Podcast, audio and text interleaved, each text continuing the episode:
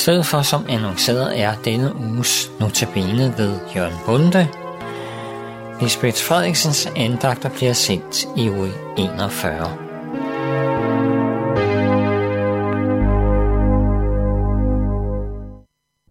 Velkommen i studiet. Mit navn er Jørgen Bunde, og jeg har notabene andagterne i denne her uge. Og min gennemgang af nogle af salmerne fra salmernes bog, vil jeg i dag sige noget om salme 24. Og ja,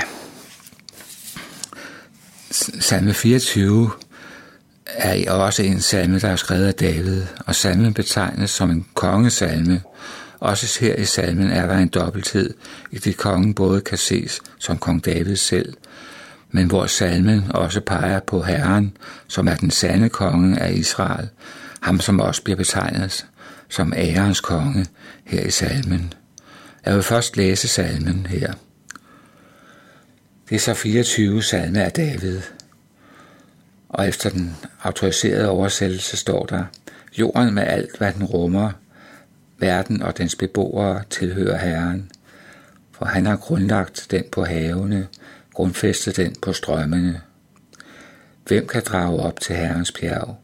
Hvem kan stå på hans hellige sted? Den, som har skyldfrie hænder og et rent hjerte, den, som ikke farer med løgn og ikke sværger falsk, han henter velsignelse hos Herren og retfærdighed hos sin frelses Gud. Sådan er den slægt, som søger ham, som søger dit ansigt, Jakobs Gud. Sela. Løft jeres hoveder i porte, løft jer i elgamle døre, så ærens konge kan drage ind. Hvem er ærens konge? Det er Herren, stærk og vældig. Herren vældig i krig. Løft jeres hoveder i porte, løft jer i elgamle døre, så ærens konge kan drage ind. Hvem er han, ærens konge? Herskars herre, han er ærens konge. Sela. Ja, vi har først her en beskrivelse af kongens indtog i Jerusalem. Det kan tænkes, at salmen er skrevet til en bestemt lejlighed, nemlig til dengang David og præsterne førte pagtens ark op til Jerusalem. Det er noget, som vi hører om i 2. Samuel 6. kapitel. Vi hører om, at David og hele Israels hus legede og dansede til musikledsagelse, mens de gik i spidsen for optoget, der førte arken op til Jerusalem. Det er forresten her, det dramatiske sker, da Usa, som også gik med i optoget, griber ud efter arken, efter han straks bliver slået ihjel af Herren, fordi han havde rørt Guds ark. Usa var kun levit og havde ikke beføjelse til at røre ved arken. Som i en anden af salmerne, nemlig salme 15, så spørges der herefter, hvem der har ret til at træde frem for Guds ansigt deroppe på Tempelbjerget. Her pointeres det, at der egentlig kun er en, der har denne ret, nemlig Jesus Kristus selv. Han er den eneste, som er ren af hjertet, som der nævnes, man skal være. Det er nemlig Herren, som sidste del af salmen peger på. Han er ærens konge, ham som drager ind gennem porten.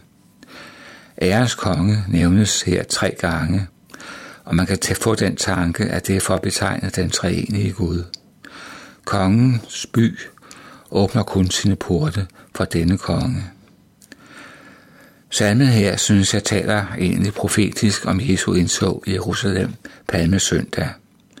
Det er det, vi hører om i Matthæus 21. Her viste Jesus sig for første gang for Israel som den messias og konge, som han var kommet for at være. Han blev ved den lejlighed hyldet og æret som en konge, men som bekendt så vendte stemningen sig hurtigt derefter. Det skal bemærkes, at det at Jesus red ind i Jerusalem på et æsel netop understreger hans kongeværdighed snarere end at være tegn på hans ydmyghed. Han opfylder det, som Zakarias siger i sin profeti, kapitel 9, vers 9.